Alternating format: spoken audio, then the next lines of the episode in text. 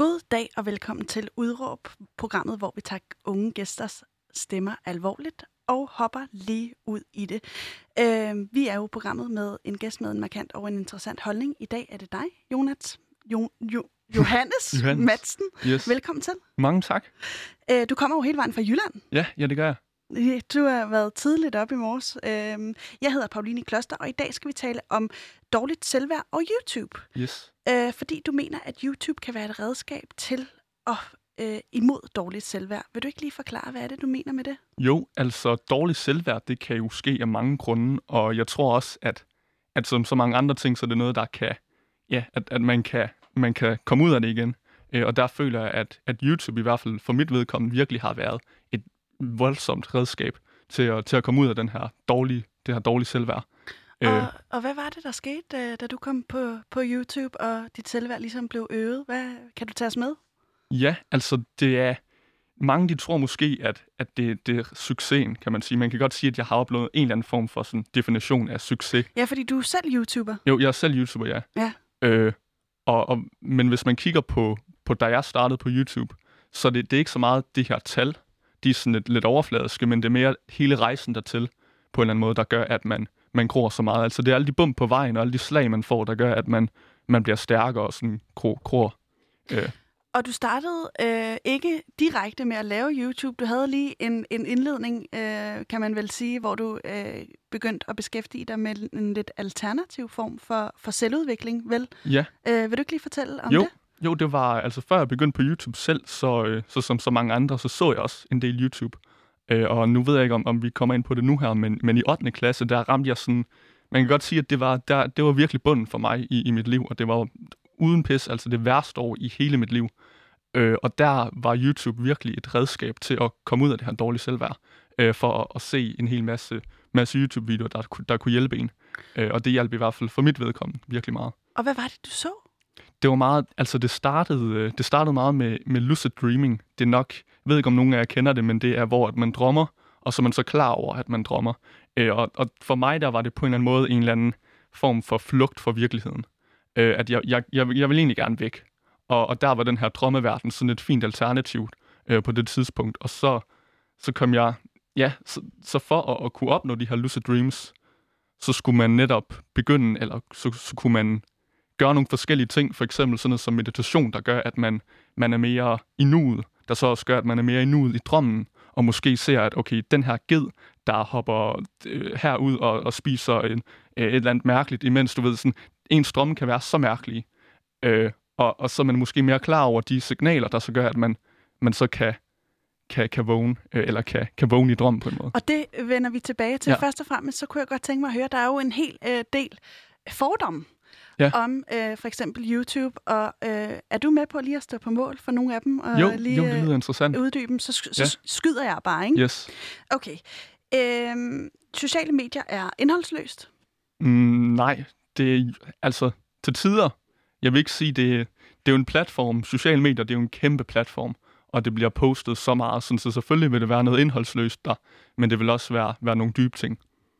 Og øh, nogle af de dybe ting, det er for eksempel det her med lucid dreaming og sådan noget, som du Ja, ellers sådan er noget self-improvement, hvad jeg mener. Aha. Øhm, så er der en anden fordom. Øh, sociale medier er selvoptaget. Mm, til dels, kan man godt sige. Øh, det vil, ja, det vil jeg nok mene. Det, det er sådan lidt... Øh, ja, Hvordan? Det, hvordan? Jo, altså det er jo, det er jo lidt, det kan jeg også selv genkende, altså det er jo lidt ens ego nogle gange, der, der træder ind og sådan synes, at det, jeg vil gerne lave det her, det her virkelig fedt, fordi at, at så synes folk måske, jeg er sej, eller sådan noget i den stil. Og det er da lidt selvisk øh, i bund og grund, men hvis jeg også, altså hvis man kan hjælpe andre, så, så er det egentlig ikke så selvisk. Så det er sådan lidt, den, den er på den her vippepunkt igen, hvor det både en, øh, det, er, det er selvisk, og det er også heller ikke selvisk på en eller anden måde. Og hvordan kan det være en god ting, tænker jeg lige umiddelbart? ja, en god ting. Øh, for nogen, så- altså, det er jo meget det der med at, at vise, hvem man er, og det kan, det kan jo godt være lidt en, en selvisk handling. Øh, men hvis man kan vise, hvem man er, og så stå frem som, som et forbillede for nogen, der måske står i en svær situation, til at kunne komme ud af, af en krise, de nu står i, og en situation, som man selv kender, og man så kan, kan på en måde lidt tage dem i, tage dem i hånden og guide dem. Øh, sådan, så på den måde, så, så er det ikke selvisk. Så det er på plads. Yes. Øh, en anden fordom kunne lyde, øh, du spilder tiden på YouTube og andre sociale medier. Ja, øh, 100 procent. øh, nej. Ej, det... Jeg føler, at... Øh, nu siger jeg det igen. Jeg Sig ved det ikke, igen. om det er lidt en... en altså, jo, nogle gange, og nogle gange ikke. Det, øh, så ja, man spilder tiden, men man kan også ikke spille tiden. Altså, jeg vil sige, at hvis man nu ser et eller andet, der, der siger, gå hen og gør et eller andet, eller du ved, en eller anden form for, at man skal tage action. Hvis man så bare ser det uden at tage action, så spiller man bare tiden. Altså, øh, Så der, det kræver ligesom en handling bag, eller hvad er det? ja, det? en handling bag, og jeg, jo, jeg føler meget, det er der spiltid.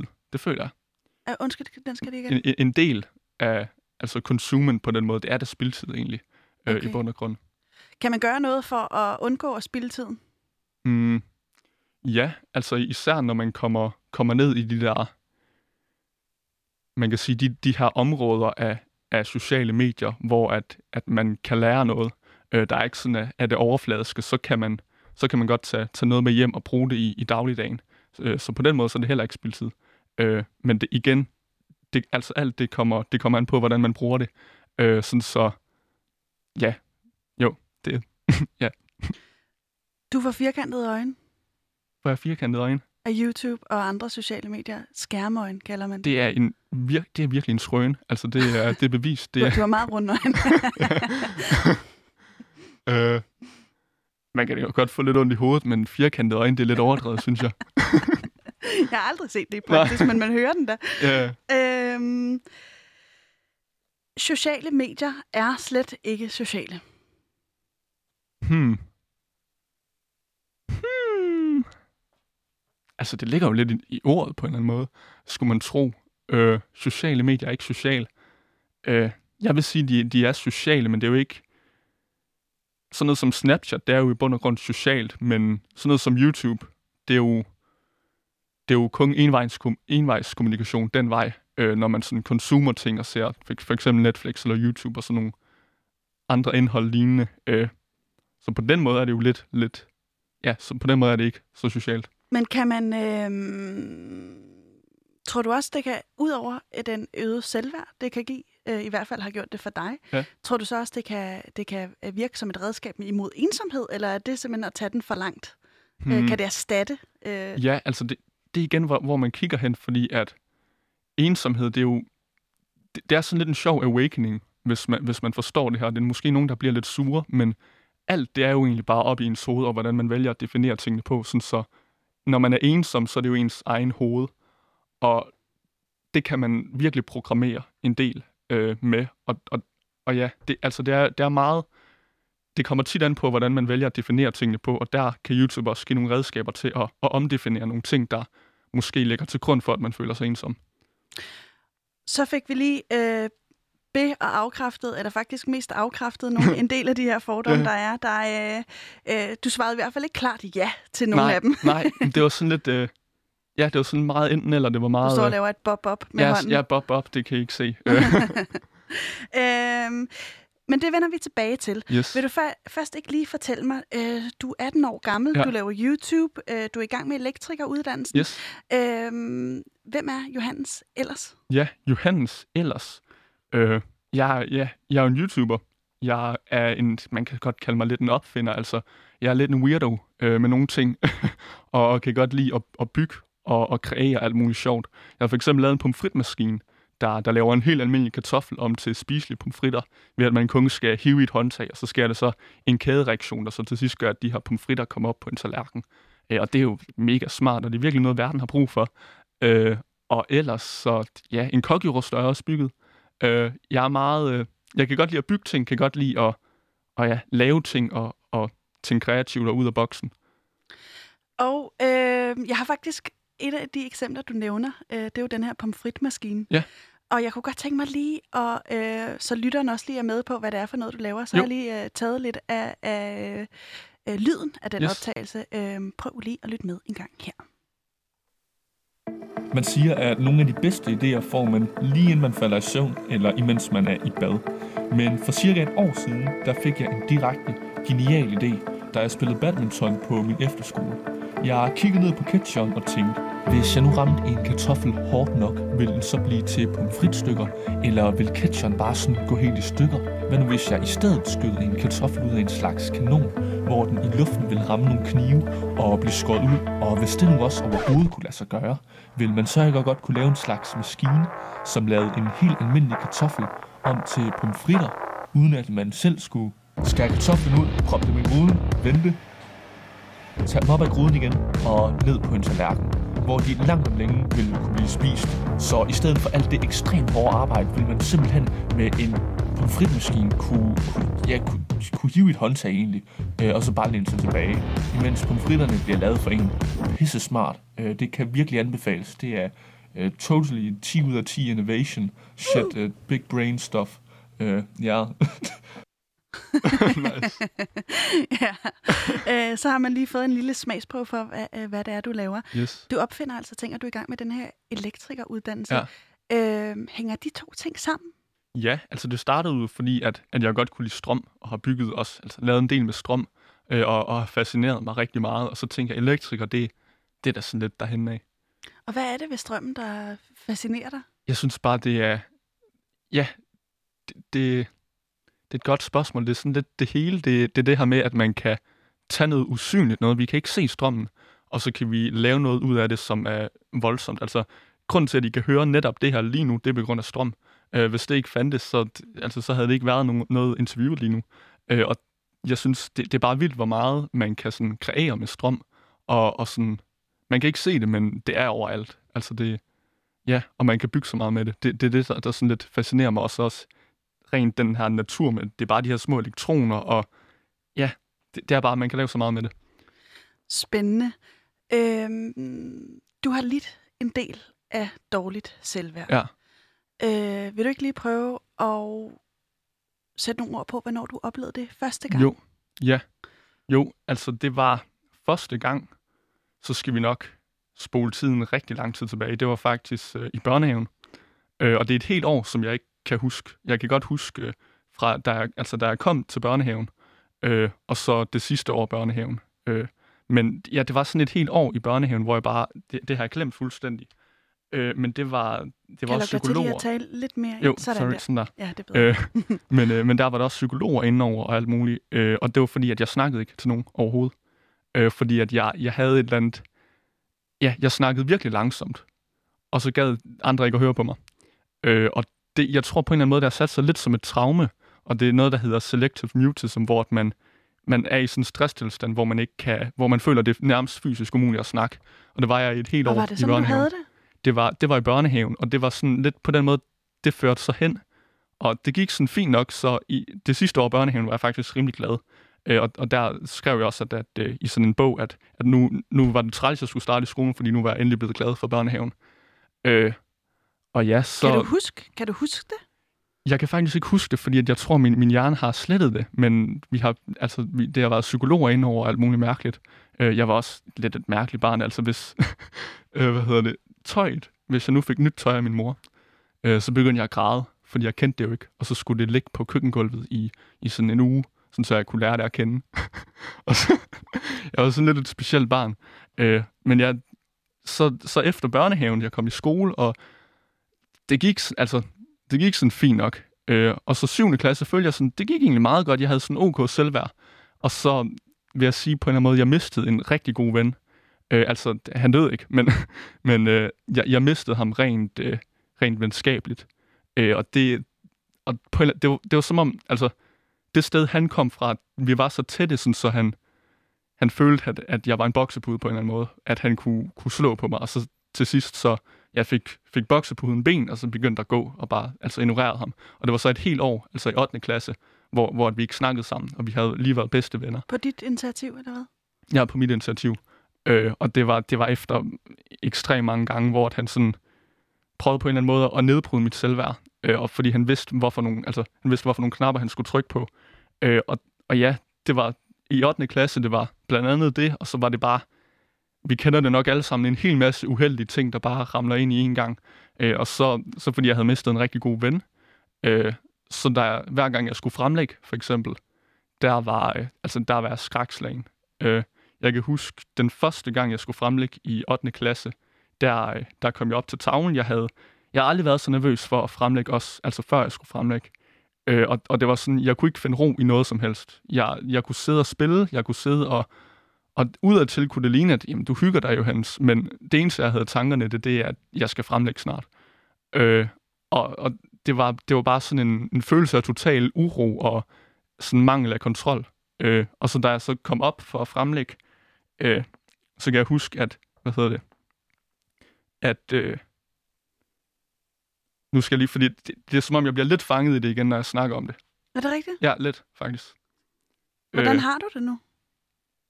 Lidt på kanten til at græde, faktisk. Du, du må godt græde. Altså, Ja. det, er, det er okay. Jeg prøver lige at... Og jeg vil bare lige sige, at jeg synes, det er... Når man hører om de oplevelser, du har Ja. ja. haft, og hvor svært det har været for dig at fremlægge, Mm. så synes jeg, det er imponerende, at du er kommet hele vejen fra Jylland Ja. og står og taler ud øh, til folk Jo, tak. gennem det her studie. Mange tak. Det er altså noget af en rejse. Ja, jamen, det er også, altså det er det, jeg også vil, vil prøve, fordi at der er så mange, der står i samme... Altså, jeg var så heldig, at jeg ikke blev mobbet, for eksempel. Ja. Men folk, der står i samme position, der så også oven i købet bliver mobbet, altså folk, der har haft det 100 gange værre, end jeg har, selvom jeg også føler, at jeg har haft det af helvedes til før. Og der føler jeg bare, at, at, at, ja, at, at man på en eller anden måde kan være lidt et lys for at, at sige, okay, jeg står her nu her ved et radiostation og, og, kan, og kan snakke, og jeg har været helt hernede, øh, og, og du kan også gøre det samme. Altså, at, at, ja, at det er lys for enden af tunnelen, selvom det ser sort ud. Øh, men ja, hvis vi lige hopper videre til sporet, nu prøver jeg at lade være med at græde. Øh, Men det må vi- du altså godt. Du skal, Ja. ja. altså, du skal ikke holde Jo. dig tilbage. øh, hvis vi lige hopper videre på sporet til... Ja, nu, fuck, man. Det er virkelig, det er fordi, det er så... Det sidder stadigvæk lidt i mig. Øh, i, altså i hvert fald, når jeg snakker om det. Ja. Men ja, så, så, når jeg så hver gang jeg kom op til tavlen, så, øh, så begyndte jeg at... Så snart jeg åbnede munden, så kunne jeg måske sige fem ord. Og så begyndte jeg sådan at synke, Ja. og så lukke fuldstændig sammen. Og der tror jeg lidt, at, at det skete det samme, som der skete i børnehaven. Det her med, at, at man, man bliver hele tiden dømt af, hvad man, hvad man siger og hvad man snakker om. Øh, og, og sådan så hele min krop lukkede fuldstændig sammen, og det sortnede totalt for mine øjne, og, og jeg kunne ikke høre heller. Det var som om, det, man kan Er sammenligne du det lidt til at med... besvime, eller hvad? Ja, nærmest. Altså, man, man kan sammenligne det lidt med... De virker sådan... Det, det virker seriøst så voldsomt her, at, at det forestiller en film, hvor det lige er sprunget en bombe, og, og det bliver helt sort. Og så ser man så, at personen vågner igen. Det er totalt tinnitus. Folk løber forvirret rundt. Det er røg. Det er mega kaos. Øh, og, og det er egentlig ens egen hoved. Så zoomer man bare lige lidt ud, og så sidder man bare i det her stille klasselokale, og, og ikke kan sige noget. Altså, det, det er virkelig sådan, det føles. Øh, og det er fuldstændig... Altså, det er virkelig klamt. Øh, og det var det bare, hver gang jeg skulle fremlægge. Øh, sådan, så hvis, hvis jeg fik at vide, øh, nu siger vi lige, at jeg er tilbage i 8. klasse, og min lærer siger, Johannes, øh, I skal fremlægge om bla bla bla øh, om, om tre Johannes, uger. du skal fremlægge om bla bla bla om tre uger. Om tre uger, ja. Altså, så, var det, så kunne det næsten godt nærmest være, Johannes, du skal dø om tre uger. Altså, og så, så var man i den her totalt ubehagelige sådan, sindstilstand i de tre uger, hvor at man ikke kunne finde ro i noget. Øh, og det er så klamt at være i. Øh, og ja, det, altså det, det er der i 8. klasse, som, ja, spørgsmålet var min historie, ikke også? Jo. Jo, ja. Øh, det var virkelig et, et, et klamt år, og det var også, øh, altså ikke nok med det, så var der også andre ting, der, der, der kom ind, sådan så det var, det var fuldstændig rod, altså i, i hovedet. Det var ren kaos øh, i 8. klasse. Men så begyndte du jo at lave videoer. Øh, vil du ikke lige fortælle om, hvordan det sker? Ja. Jo, øh, altså nu, nu, nu ved jeg, at vi også lige skal snakke lidt om lucid dreaming, men sådan, så det kommer jeg ikke helt ind på nu her, fordi det var nemlig, Du fyrer bare løs. Jeg, Jeg stopper bare dig. løs. Altså, Okay. jeg stopper dig. fordi så tænker jeg, at, at det lige kan være lidt mere lineært med, med historien. Ja. Øh, og det var, at, at der i 8. klasse, så, så søgte jeg egentlig tilflugt på en eller anden måde fra, fra den her virkelighed. Øh, og, og der, der, fandt, der stødte jeg på noget, der hed Lucid Dreaming på YouTube.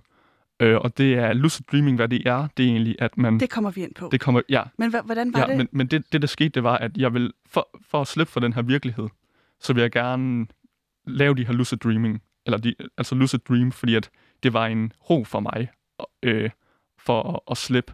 Øh, og, og, og for at Hvordan kunne, støder du på det? det stødte jeg på YouTube. Så du, du søger efter Jeg søger. ud i Jeg tror bare, øh, i det kom på recommended eller et eller andet. Det var sådan, og så hvad, hvad, er, hvad er det? Og så, eller det kan også være, jeg, jeg tror faktisk, det er måske noget, mig og min mor havde snakket om øh, for, på et andet tidspunkt, og så kan det godt være, at jeg søgte, men det var i hvert fald på YouTube. Øh, og så for at opnå de her lucid dreaming, øh, altså de her lucid dreams, så er det så nogle forskellige ting, man kunne gøre, som meditation og, og alle sådan nogle ting. Sådan, så, så, så kom jeg ind på, på en retning, wow, jeg lige, så kom jeg ind på sådan en retning af at prøve at forbedre mig selv, og for at prøve, det, det startede bare med, jeg vil gerne have flere af de her drømme, øh, men så ledte det til noget helt andet, der så gør, at jeg står her i dag. Øh, Vil du ikke lige fortælle, øh, fordi både du og jeg er jo opvokset med internettet, hvor meget Ja. fyldte internettet for dig øh, i løbet af din opvækst? Øh, jo, i løbet af min opvækst, det var, det fyldt. Altså, vi har, vi har et sommerhus, så jeg var meget aktivt barn. Det var mere, mere for nyligt, eller ikke for nyligt, men da jeg blev lidt ældre, jeg vil nok sige en 11 år, hvor det begyndte at sætte sig mere fast. Jeg så en hel masse Minecraft. Altså, jeg har set mega meget Minecraft-videoer. øh, jeg tror, jeg, ja, det er sådan helt, helt, helt sindssygt. Øh, sådan så, ja, hvad var spørgsmålet igen? Jamen, jamen, hvad er internettet egentlig fyldt for dig i din Ja. opvækst? det var, det var hyggeligt. Det var, ja, det var, ja, det var hyggeligt, internettet. Det var et sted, jeg kunne se Minecraft og, og spise chips. Altså, Så det var nærmest sådan et, øh, et øh, frirum? Jo. Og så øh, støder du på, på YouTube på et tidspunkt, eller er det, Ja. ja. er det det, der har, øh, som du har forbundet med internettet fra starten af, eller hvordan? mm, hvad mener du lige? Øh, jeg mener bare, øh, da du bliver præsenteret for internettet, Ja. eller, øh, du husker nok ikke, at du bliver præsenteret Nej. for det, du husker nok bare, at det er der. Det er der, ja. Men er det, er det mest øh, YouTube, du er fascineret af, eller er der andre platforme også? Øh, videoplatforme mm. eller sociale medier? Eller? Ja, sådan noget som Skillshare. Jeg ved ikke, om du kender det. Nej, det kender jeg ikke. Nej, men det er sådan en, øh, en online platform for, altså for, for folk, der, der jeg gerne vil, vil komme ud med, der har måske en eller anden skill inden for et eller andet, og så laver de så et kursus. Øh, det interesserer Jeg har faktisk også lavet et kursus, det hedder Get Weird Ideas and uh, Boost Your Creativity øh, på engelsk. Øh, det lavede jeg i ok- oktober det her år. Øh, og ja, det, det, er også, det interesserer mig også meget. Øh, Er det videoformatet øh, mere generelt, der interesserer dig, eller, eller hvad er det, du synes, det, det, det kan? det er sådan lidt historiefortællingen også. Det er det hele det der med at, at formidle et budskab og øh, at komme ud med noget, man selv har kreeret, og man er stolt af. Hvor er det spændende. Øhm, jeg kunne godt tænke mig, at vi lige øh, vendede det her med, at, eller vente hedder det faktisk på, på dansk. Ja. Men jeg kunne godt tænke mig, at vi lige vendte det her med, at det er jo nok ikke alle, der er så heldige at, at komme ind i sådan en YouTube-strømning som, ja. som dig, hvor Ja. at... Øh, øh, hvor, hvor du får adgang til både meditation og det, nogle andre øh, selvværdsværktøjer. Ja. Øhm, hvad tror du, der har gjort dig så heldig? Hmm. Det har nok været, været det der med, også med YouTube, at det presser en til at, at lave noget og, og bryde nogle grænser. Øh, og det, det er der, hvor man virkelig udvikler sig, det er, når man bryder grænser. Øh, og ja, Øhm, hvordan, øh, du var fascineret af det, men hvordan får du øh, rent faktisk mod til at kaste dig ud i at producere på YouTube selv? det, var, det er et godt spørgsmål. Det, det startede faktisk helt tilbage for en del år siden, fordi min, min storebror, han havde sådan en kanal, der hed Dirty Blondine dengang. Øh, Okay. øh, det var, han, han rendte rundt med sådan en peryk. Øh, det var faktisk meget grineren. Og så, øh, så jeg har jo altid bygget en hel masse skøre ting. Og så, så sagde han så, Johannes, vil du ikke gerne lave en, en YouTube-kanal, så kan jeg lige hjælpe dig med det. Og så, så kan vi lige promovere den lidt gennem Dirty Blondinen. Øh, og det var sådan lidt der, det hele startede med YouTube. Og, og så i 8. klasse, det startede faktisk helt tilbage i 7. Øh, og så lavede vi sådan fem videoer, og så gik det sådan i stå. Øh, og så i 9. klasse, der besluttede jeg så, at jeg selv ville, ville begynde på YouTube. Øh, og det er fordi, fordi, at jeg havde lidt en platform, jeg havde lidt, lidt subscribers også, og, og jeg synes, jeg, jeg kunne godt lide det der med at, at formidle og udvikle mig selv, øh, og, og lave alle de her, de her skøre ting, sådan, så jeg har begyndt selv at, at uploade videoer. Øh, Og en af de her skøre ting, den har du faktisk taget med i dag. ja, Vil du ikke, øh, vil du ikke finde den frem, så kan Jo. jeg lige... Øh, Jo, det kan jeg godt. Altså, det var, jeg kunne ikke lige tage mit træningscenter med, eller mit hjemmelavede træningscenter, eller pomfritmaskine, sådan, så jeg har, jeg har taget et bræt med. Ja. Øh, Jeg glæder mig til at se det, hvad det bræt kan. I mellemtiden kan jeg lige sige, øh, hvis du lige er kommet på linjen, så lytter du til programmet Udråb. Programmet øh, med en gæst med en markant eller en interessant holdning. I dag er det altså Jonas Mertz, som er YouTuber og øh, opfinder, kan man vel kalde dig. Øh, og vi har været inde på, hvordan YouTube kan, øh, har i hvert fald for dig, været med til at øge dit selvværd. ja, Og nu står du med et bræt i hånden. yes. Og hvad, det øh, ser lidt kedeligt ud fra den her side. Ja, for den her side, Øh, hvor jeg står, ja. der ligner det et, et bræt på en 20-30 Ja. cm uden øh, for meget dække der. Jo, En lille smule øh, riser i, men det er også, hvad der er at sige om Ja, det. øh, jo, men det var faktisk det, jeg lavede i 7. klasse, det her. Øh, og det, det er sådan et meget sjovt mønster. Øh, Ah ja, okay, det ligner træer. Ja. ja. det er det, det ligner... måden, ja. måden, jeg har, har lavet det på. Må jeg lige er, beskrive Jo, for lytteren, jo, hvad, det er, hvad det er, jeg ser? Uh, jeg ser et stykke træ, hvor der ligesom er øhm, brændt, ligesom man kunne i sløjt nærmest, Ja. brændt sådan, øh, træer i med enormt mange flotte øh, detaljer. Ja. Er det ikke godt beskrevet? Jo, jo egentlig. Tak. Det kunne ligne lidt, øh, lidt lyn. Ja, lidt lyn eller lidt lyn, træer. der så er, ja, lyn og, ja, eller roder eller et eller andet i den stil. Det ser i hvert fald meget sjovt ud, og hvis man skulle lave det i hånden, så ville man være sindssyg. Øh, og det er fordi, at det ikke er lavet i hånden. Øh, det er med en, en mikrobølgeovnstransformer. Det kan jeg faktisk virkelig ikke anbefale, at nogen af jer skal prøve, fordi det er dødeligt. Øh, men det er bare sådan, man tager de to elektroder, og så propper i træet, og så vil strømmen finde den nemmeste vej, og så graverer den så de her mønstre ind i træet. Øh, men det, det var bare sådan en lille, den, den fyldte ikke så meget, så det tænker jeg, det tager jeg bare med. Jeg, Men spændende. Ja. Det er en af dine opfindelser. Øhm, jeg har snakket med specialkonsulent ved øh, Center for Digital Pædagogik, Christian Mogensen, øh, om hvad han mener, at YouTube ligesom har kunnet, øh, eller hvorfor YouTube har, har givet bedre selvværd til dig, øh, og om det også kan bredes ud på et mere generelt plan. Prøv lige at høre, hvad han siger til det. Hey everyone, and welcome to Top Think. Today, we're going to learn about how to lucid dream tonight for beginners. Now, let's Det var lige et helt forkert klip.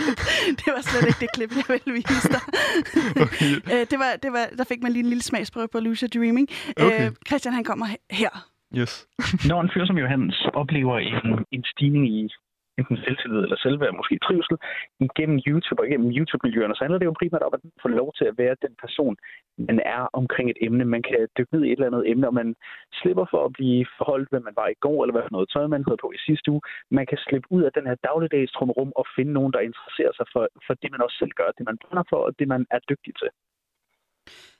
Og øh, er det sådan en form for subkultur, man, øh, man kan finde øh, via YouTube for eksempel? Når man dykker ned i kring det krone på YouTube, så er det helt klart forskellige øh, subkulturer, man dykker ned i. Modsat skolegården eller, øh, eller de andre sådan, hvad skal vi kalde det, almindelige analog meet space fællesskaber. Så det, man kan finde på YouTube, det er det fællesskaber, subkulturer og miljøer, der drejer sig rundt omkring et emne, som man måske er rigtig passioneret eller nørdet omkring. For eksempel lucid dreaming, men det kunne lige så vel have været modeltog eller rollespilsfigurer fra en bestemt periode i 80'erne eller et eller andet. Her der får man lov til at nørde emnet frem for at prøve at være en del af et eller andet allerede lokalt, fysisk eksisterende fællesskab. Og hvorfor er det så virkningsfuldt? Når de fællesskaber, der kan opstå digitalt, for eksempel via YouTube, er så virkningsfulde for os, så handler det både om at få lov til måske at slippe lidt væk fra en situation i hverdagen. Det kan være, at man går på en træls skole, eller man bor i et uh, lille samfund, hvor der ikke er nogen, der deler ens interesse for modeltog eller lucid dreaming eller noget andet. Men det handler også om at blive dømt på udelukkende, hvad ved du om det her emne, hvor meget brænder du for det, og blive taget med ind i en subkultur, der, der drejer sig om emnet mere, end det drejer sig om personerne. Der florerer jo også rigtig meget øh, på YouTube, som måske ikke er helt fint i kanten. Hvad skal man være opmærksom på, hvis man vælger at bruge øh, YouTube? Og tale om YouTube som sådan et fænomen eller et sted på nettet gi- giver efterhånden ikke mening. Der ligger millioner og milliarder af forskellige videoer, og der er næsten lige så mange små subkulturer og hjørner i YouTube. Når vi ved, at der på nogle hvad skal vi sige, afdelinger eller kapitler i YouTube er et ekstremt hårdt sprog, eller en subkultur, som måske ikke er gavnlig for, for ham eller hende eller mig eller dig, så handler det meget om at kigge på, hvad er det for en følelse, jeg tager med ud, når jeg har besøgt den her subkultur. Er jeg blevet gladere, eller er jeg blevet måske blevet mere frustreret, eller er jeg blevet mere ked af det, eller har jeg det bedre med mig selv, eller har jeg fået det dårligere med mig selv? Ja, her sætter han altså lige nogle ord på, øh, hvorfor det er, det kan virke, og hvad man skal være opmærksom på.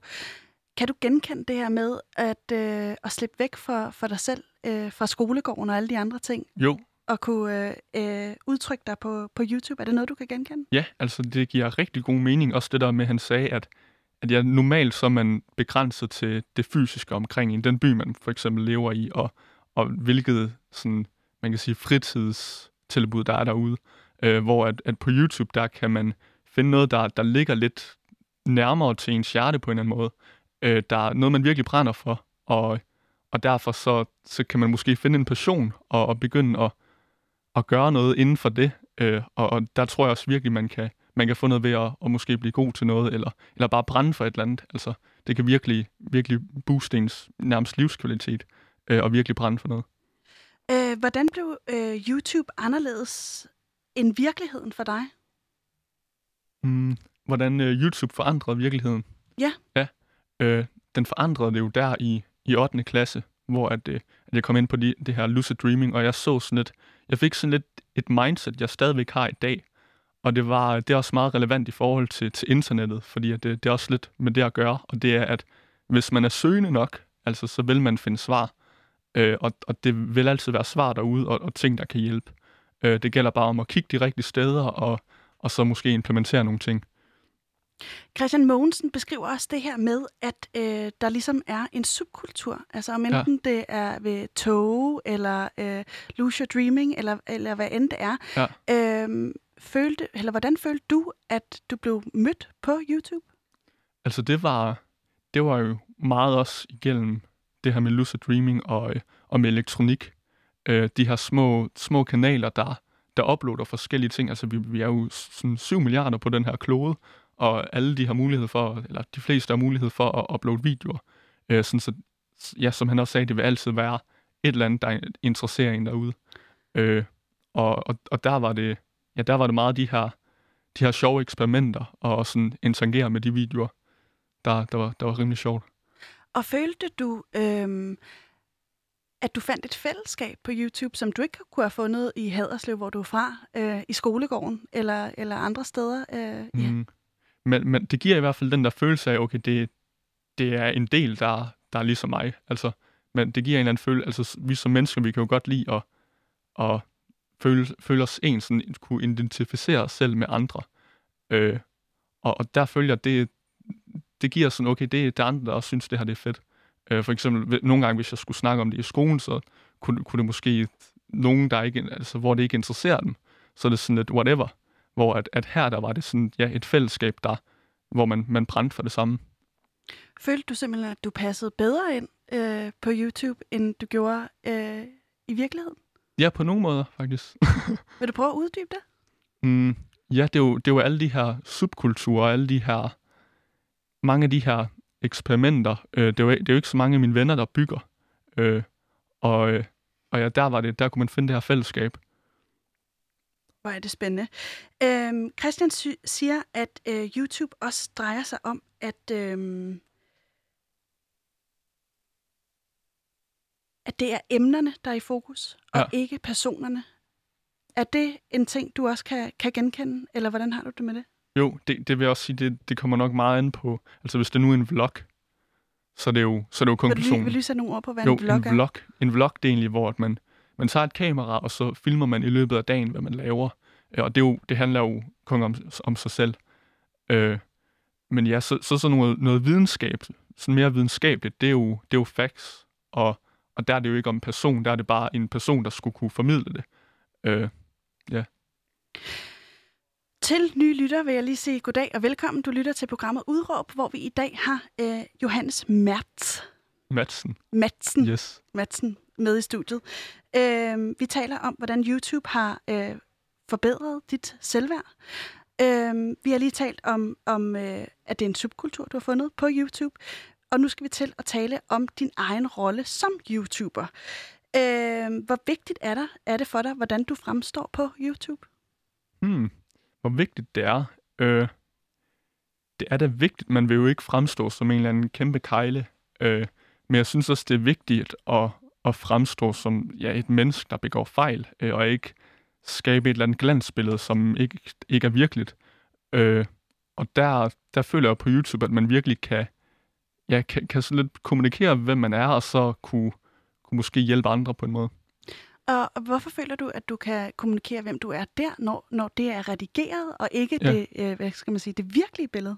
Ja, det er fordi, selvfølgelig, det, er, det vil altid være mere, altså, når, når man redigerer, så vil det altid være mere finpudset, og, og man, man siger, altså, man, man ved, hvad man skal sige sådan nogenlunde, og det er, det vil altid nok, en, en YouTube-video vil nok altid være lidt et, et, et glansbillede på en måde. Øh, men ja, nu tabte jeg lige tråden, hvad dit spørgsmål var egentlig. Jamen, det, det er netop det, du i tale sætter, fordi Ja. jeg ved, du bruger enormt lang tid på at Ja. redigere øh, dine videoer. Ja. Og øh, føler du, at du kan være mere dig selv? Eller hvordan føler du, du kan være ja, mere dig det, selv? det er faktisk et rigtig godt spørgsmål, fordi at, altså, man kan jo sige, min video, det er et produkt af mig selv, fordi det er mig, der har lavet hele, altså alting. Det er mig, der bygger tingene, mig, der redigerer, planlægger, sådan bygger selve historien op. Sådan, så på den måde, så er det egentlig, kan man egentlig kommunikere mere af sig selv, der er lidt mere filtret, øh, og, og mere sådan lidt, hvem man er på en eller anden måde. Øh, hvor at der, er, at der er så mange lag i en video, øh, sådan, som, hvor normalt der vil man måske kunne, kunne kommunikere alle de ting. Hey, hvordan hænger det sammen med kontrol? Med kontrol? Mm. Øh, ja, det hænger sammen, at, at man føler... For eksempel det her, det var jo lidt, lidt nervepirrende, fordi at jeg, jeg er kommet her til København, og, og man føler sig sådan lidt, lidt uvis. Øh, hvor at en, en YouTube-video derhjemme, der er det sådan, hvis man sagde et eller andet mega pis, altså så kan man, jamen, det, det klipper bare væk. Altså, hvor det her, det er sådan, hvis jeg, hvis jeg siger et eller andet mega pis, så fanger bordet sgu. Øh, øh, sådan, så på den måde, så, så giver det god kontrol, at man, man selv kan, kan redigere og, og vælge, hvad, hvad man tager fra og, og beholder. Så hænger det i virkeligheden sammen med, at du har været bange for at, eller er bange for at dumme dig i virkeligheden, eller hvad? Ja, lidt. Altså, det tror jeg, at de mange af. Øh, det er jo det virkelig en af de mest menneskelige ting. Det er jo det her med at være, være bange for at dumme sig. Øh, og det, det, synes, det ved jeg ikke, om vi kommer mere ind på, men det synes jeg også er så sjovt, fordi i forhold til, til sådan rent evolutionsmæssigt, at grunden til, at vi er bange for at, at dumme os, det er for at, lad os, lad os nu tage et eksempel for, lad os sige, 2.000 år siden, eller, eller 10.000 år siden. Vores hjerne er egentlig den, præcis den samme. Øh, og der boede vi i de her meget små grupper af omkring 150 mennesker. Sådan, så hvis vi dummede os der, sagde noget virkelig dumt noget, øh, og, virkelig øh, trådte i den, kan man godt sige det, øh, vi trådte i den, øh, altså så, så kunne det faktisk direkte have en konsekvens for ens overlevelse. Hvor at i dag, der føler vi præcis det samme. Vi har samme programmering, øh, og, men der er det bare ikke relevant. Det, i, altså i den, dag, i, i den verden, vi lever i nu her. Øh, men derfor er vi stadigvæk bange for at dumme os, men vi kommer ikke til at dø af det. Altså, sådan, så på den måde, så giver det også lidt en hvilepude. Det er lidt ligesom, hvis man klatrer. Altså, førhen, der var det sådan, i gamle dage, rigtig gamle dage, de har sådan flere tusind år tilbage, der, var, der klatrer man bare uden sikkerhedsreb. Og der var man bange for at falde, man var bange for at dumme sig. Hvor at, at nu her, så har vi hele tiden det her sikkerhedsreb. Fordi at, altså, vi, vi dør ikke lige frem, hvis vi dummer os. Det er ikke noget, der er farligt. Sådan, så vi dummer os, vi falder måske, slår os lige en lille smule, øh, men sikkerhedsrebet har os, altså vi dør ikke af det. Og jeg tror, næsten, næsten alt frygt, det stammer fra frygten af at dø, fordi at rent evolutionsmæssigt, så er det jo det her med at føre sine gener videre. Øh, og, og derfor så, okay, det her, det er farligt, det skal jeg undgå, fordi at hvis jeg går hen imod det, eller gør de her ting, så er det større risiko for, at jeg kan dø, og når jeg dør, så kan jeg ikke øh, humpe noget og, og få mine gener videre. Altså, Men er det sværere, er det sværere for dig at øh, tage det med i virkeligheden, end det er, på, øh, når du er øh, på YouTube? Mm. Hvad mener du helt præcis? Jeg tænker bare, øh, du kan følge med i din logik om, hvad det er, der sker, og hvorfor, Ja. det, er, du- hvorfor det er, du bliver bange. Ja. Øh, men du er ikke bange på YouTube, men du er Nej. bange i, i virkeligheden for at fejle. Jo. Øh, hvordan kan det være? Ja, det, er jo, det, er jo så, det ligger jo så dybt i os, øh, en, en programmering. Og der, der føler jeg, at med de her mindsets, man kan opbygge, også igennem YouTube, at det er lidt som det her sikkerhedsreb på en eller anden måde. Altså det er, det giver sådan alligevel en tryghed, selvom det er skræmmende. Det giver sådan et, øh, altså man skal bare gøre det alligevel. Og så, ja, fordi det, det giver god mening, at, at når man ved det, så, så burde man jo ikke være bange for det, men sådan er det ikke. Altså, jeg var også, jeg kan godt være ærlig, ærlig at sige, at, øh, at inden jeg skulle til det her, så var jeg ved at kaste op af, af nervøsitet, og nu har det, det gjort det egentlig meget fint. Altså, Ja. Øh, og man skal ikke være så bange for ting. Øh, men rent logisk, så ja, så giver det ikke mening. Men rent følelsesmæssigt, så vil man nok altid føle det let. Og det kan man så lidt begrænse ved hjælp af nogle mindsets, øh, og sådan lære at gøre tingene anyways. Fordi at tit, også, også tit, når man er bange, så er det jo fordi, det er noget, der er vigtigt for en. At man netop ikke vil fuck op. Øh, og derfor så det jo, vil det jo være mega retarderet ikke at gøre det. Øh, fordi hvis man bare lader, lader sin frygt styre sig.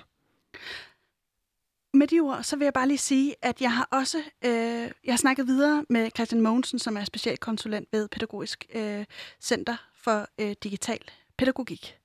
Øh, prøv lige at høre, hvad han siger. Yes det her med at dykke ind på, på YouTube og begynde at udlevere noget af sig selv, måske begynde at filme sig selv, eller bare begynde at kommentere på andres videoer, betyder også, at man stiller sig til skue, som man vil sige her i Jylland, så, øh, så hænger man med røven i klaskehøjde. Lige så snart du giver noget af dig selv, og du bliver en person på internettet, så håber man jo på, at alle skriver tilbage og siger, ej, hvor er du fed, eller hvor er du dygtig, eller hvor ser du godt ud. Men der vil også være nogen, som enten bliver provokeret af det indhold, man laver, eller bare synes, det er sjovt at svine dig til på nettet, fordi jamen, der er du, og jeg kan gøre det anonymt og gratis. Så når man selv lægger noget på YouTube, så åbner man både op for den positive kritik, man håber på, men i høj grad også for den negative. Det skal man være klar over, både som ham eller hende, der deler noget af sig selv, men også forældrene omkring et barn, som har lyst til at lægge videoer på YouTube. Der er ikke kun roser og lyserøde ord derude. Og kan man gøre noget ved det, hvis man så kommer ind i, i øh, hvad nogen måske vil kalde en shitstorm øh, på YouTube? Øh, hvad kan man gøre der i den sådan en situation? Hvis man bliver udsat for, eller for at undgå de her shitstormer, som nogle gange opstår øh, i digitale miljøer, for eksempel på YouTube, handler det jo meget om at tænke på, hvad er det for noget materiale, jeg lægger ud. Mange af de shitstorms, der er opnået, eller mange af de shitstorms, som er dukket op over de sidste par år, er kommet fra, fra video eller fra indhold, der er designet ikke for at fortælle, hvad hvad verden egentlig selv mener, men er designet ud fra, det er, det kommer nok til at vække en masse opmærksomhed. Det har det også gjort, men jævnført det er en shitstorm, så har det været negativ opmærksomhed. Jeg tror, både som farperson og som privatperson, at hvis man laver indhold, man synes, man kan stå indenfor, så er man okay, så er man med. Hvis der er en shitstorm, jamen, så er det fordi folk er uenige med dig. Men det her med at prøve at designe indhold, som skal fange algoritmen, eller som provokerer og får folk til at blive lidt sure, men kun sure nok til at kommentere, for på den måde at generere mere opmærksomhed og mere trafik, det er at prøve at provokere resten af internettet, og det bærer sjældent noget godt med sig. Ja, her hørte vi altså lige Christian øh, Mogensen, øh, specialkonsulent ved Center for Digital Pædagogik. Øh, røven i klaskehøjde. det må man sige, Johannes, at, øh, at du har, har sat dig i. Du har øh, 26.000 ja. subscribers på din YouTube-kanal. Ja. Øh, hvilke kommentarer har du mødt? Oj, altså hvis man... Det er selvfølgelig rigtig mange gode, øh, men det vil, som han også sagde, altid være, være dårlige. Øh, og der er det jo nogle, nogle sjove nogen indimellem. Øh, Ja, det, det vil altid være, være, være hate. Det vil det. Øh.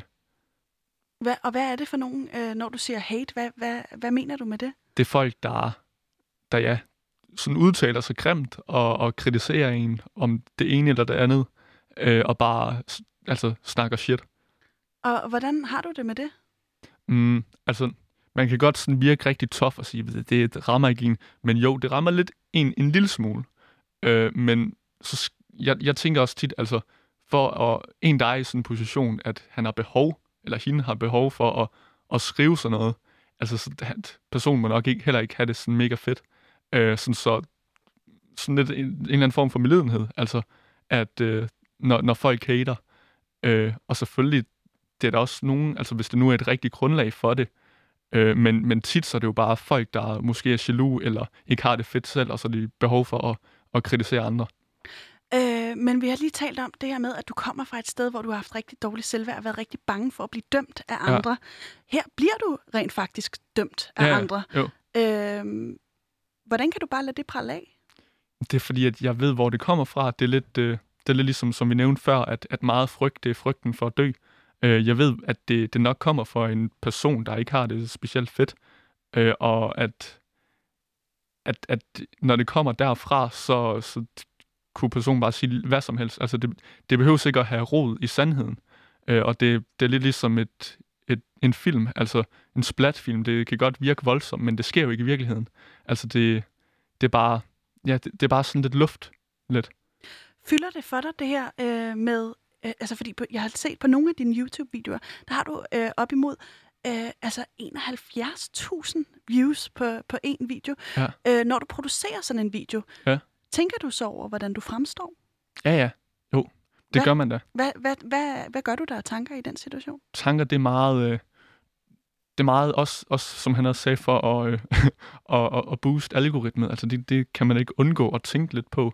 Og det er at være sådan kort og præcis, og så sådan vide, okay, fordi tit så er det, så er det jo sådan noget som en pomfritmaskine, så skal jeg forklare nogle koncepter, sådan rent videnskabsmæssigt. Og der er det meget mere at være kort og præcis, sådan så folk, der måske synes, det er lidt kedeligt, sådan så det ikke kommer en eller anden mega lang forklaring, men den korte, præcise forklaring skal også indeholde det, sådan så rigtig mange kunne forstå det, og så skal det helst også være lidt sjovt, og så skal det også passe ind i historien. Du ved, det er sådan mange bolde i luften. Øh, og der tænker man selvfølgelig rigtig meget over, hvordan man, man fremstår for, at, at hele videoen går op i en højere enhed, og sådan bliver det produkt, man gerne vil have i sidste ende. Og hvor meget tænker du over det her med, og at man kan sige, det er en lidt følsom tid, vi lever i, Ja. hvor, hvor mange bliver meget støtte over, hvis man kommer til at sige noget bestemt, eller øh, øh, altså igen det her, som Christian sætter ord på, med at sætte røven i klaskehøjde. Ja. Er det nogle ting, du tænker over, inden du lægger noget YouTube fri, eller en, mm. en Mhm. video frit tilgængeligt? selvfølgelig ikke, ikke noget mega kontroversielt, men jeg synes også, altså, som personer, det vil altid være folk, der ikke kan lide en. Det vil det. Øh, og så er spørgsmålet bare, har jeg lyst til at stille en eller anden facade op, som ikke er rigtig, som øh, nogle folk anyways ikke kan lide, selvom jeg tror, at de fleste godt kan lide den her facade, eller vil jeg bare være mig selv, for de haters, som nu heller ikke, altså når de hater, så er det nok heller ikke, fordi man sådan har mega meget til fælles, og så gider man måske heller ikke at være sammen med de, det er ikke lige dem, man drikker kaffe med. Øh, sådan, så på den måde, så, øh, så ja, Og til nye lytter vil jeg sige, du stod øh, lige og jeg tager stod lige og i, en- i en tanke. rigtig intens. ja. øh, til nye lytter vil jeg lige sige goddag og velkommen til. Du lytter til programmet Udråb, hvor vi i dag har Johannes Madsen med i studiet, som er YouTuber. Øhm, Johannes, jeg kunne godt tænke mig, at vi lige snakkede om det her med, at YouTube har virket øh, for dit gode selvværd. Jeg kunne godt tænke mig, at vi lige snakkede om, hvordan det virker øh, på et mere generelt plan, og hvordan øh, verden ligesom er blevet ændret øh, ved YouTube. Ja, det har jeg også talt med Christian Mogensen Ja. om, som er øh, specialkonsulent ved Center for øh, Digital Pædagogik. Prøv lige at høre, hvad han siger. Yes. Efter at YouTube er blevet allemandseje, og vi er gået fra tusindvis af videoer til milliarder af videoer derude, har verden helt klart forandret sig. Der ligger et helt nyt indholdsmedie, og der ligger et- en, en helt ny verden af forskellige subkulturer, man kan blive interesseret i. Om den er blevet bedre eller værre, er det, det er svært at sige. Det kommer an på, jamen, hvad for noget indhold er det, du opsøger på YouTube. Noget af det, det i hvert fald har gjort, det er, at det bliver nemmere at sappe rundt. Det bliver nemmere at dykke ned i modeltogene den ene uge, og rollespilfigurerne den næste, og måske gamle Anders Sandler den tredje uge, fordi der er hele tiden noget nyt, man kan sappe videre til. Noget af det, vi skal være klar over som brugere af YouTube, enten vi producerer indhold eller bare ser andres, det er, at fordybelsen, den mangler. Vi har på YouTube, der har vi heller ikke den her typiske musiklærer, som, som kan forme os og som kan hjælpe os videre i en god konstruktiv retning, eller fodboldtræneren, som møder os hver dag og ser os i øjnene. Det er passivt indhold, og det er indhold, hvor det er enormt nemt at skifte kanal, og det er indhold, som ikke nødvendigvis er modereret af nogen, som ved bedre end os. Så om YouTube har gjort verden bedre, eller dårligere, eller sværere, eller nemmere, YouTube har i hvert fald gjort verden meget, meget større og bragt hele resten af verden meget, meget tættere på. Hele verden er blevet meget, meget tættere på. Øh, hvordan synes du, at YouTube har forandret verden? Mm, altså, det er, det er nemmere at finde folk, der interesserer sig for de samme ting. Øh, så på den måde, så connecter det folk. Altså, vi, vi har jo aldrig været mere connected. Vi kan sidde i Danmark og snakke med en over i USA, og det, det er jo fuldstændig, ja, rent, det, det, er jo, det er jo egentlig unaturligt på en eller anden måde, men på samme måde, så er det også fedt, fordi at det kan connect en til folk, som man, øh, sådan relationer, man måske ikke før kunne have mulighed for at, at blive connected med øh, men man, man kan, og man måske har meget til fælles med, øh, og, og man ja, så kan blive, blive connected til dem. Øh, så på den måde, så, så tror jeg virkelig, det forbinder folk sammen, og, og også, når der er så meget indhold derude, altså at man, man kan finde det, som sådan ligger tæt til ens hjerte, altså noget, man virkelig brænder for, øh, frem for en eller anden, altså, ja, fordi der, der er så meget derude, sådan, så, så tror jeg også, at rent, rent, ja, intuitivt på en eller anden måde, så vil man finde det, man brænder mest for, og, og sådan consume mere af det. Øh, Og øh, hvordan tror du egentlig, at dit liv havde set ud, hvis ikke der havde været YouTube? mm, så havde jeg vidst meget mindre. Øh, altså, jeg er jo jeg er også ordblind, øh, og det, det gør, at, at jeg, altså næsten rigtig meget af min information, det kommer jo gennem YouTube, øh, og så også lidt hjemmeside en gang imellem. Øh, men det meste, det er, jo, det er jo bare gennem YouTube, og det, det er så meget information derude, sådan så det, ja, ja, jeg vil nok ikke have vidst så meget, som jeg gjorde nu, og mange af de minds, altså rigtig mange af de mindsets, jeg har i dag, det kan jeg også takke YouTube for, øh, fordi at det er dem, der har, man kan sige, connected dem til mig, øh, sådan så jeg har, har fået kendskab til dem. Og hvad hvis du ikke selv var begyndt at YouTube? Hvad tror du så, du havde lavet? Mm. Oj, det er et godt spørgsmål. Det, det ved jeg faktisk ikke helt, men hvad jeg selv havde lavet. Hvordan ja. havde du haft det? Jeg tror, at, altså jeg tror, jeg har, vil, har det bedre nu. Det tror jeg. Fordi at, at det er noget, jeg brænder for, og det er noget, man, man synes er fedt at lave. Og, og der tror jeg bare, så snart man gør det, så fylder det sådan lidt sjælen op på en eller anden måde. Øh, sådan så det virkelig altså, fylder en op indenfra.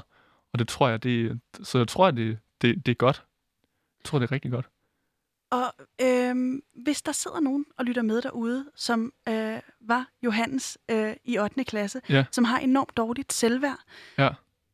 vil du så have nogle gode råd til, hvordan øh, de, de kunne gribe det an og, og få øget deres selvværd? Ja, altså først der er det nok håbet om, eller sådan viden om, at man godt kan komme ud af det, fordi at man kan godt være i sådan en tilstand af at føle sig hjælp, hjælpeløs og ude af kontrol, og føle, at lige meget hvad der sker, så, altså som, som sådan en omgang togtrækkeri, der ikke går nogen retninger. Øh, men hvis man bare søger nok, og, og ja, får, får nogle mindsets, og, og prøver at tænke, ja, man er god nok, og øh, det er selvfølgelig meget, altså meget nemt at sige, men det er også noget, der det, det kan godt tage tid, men man skal bare lige miste håbet om, at det sagtens kan, at man sagtens skal få det bedre. Øh, og, og den viden skal man bare have med i bagagen, sådan, så hvis det kommer noget, hvis man nu kommer lidt op, og så kommer ned igen, øh, altså få den viden, sådan, så man, man ved, at det kan lade sig gøre, fordi det kan det 100%. Øh, det er nok det første, jeg vil sige, at, at det kan lade sig gøre, og det, fordi at jeg tror, folk, der står i sådan en position, det er nemlig den her hjælpeløshed, at de, de føler, at lige meget hvad de gør, så sker det ikke en skid.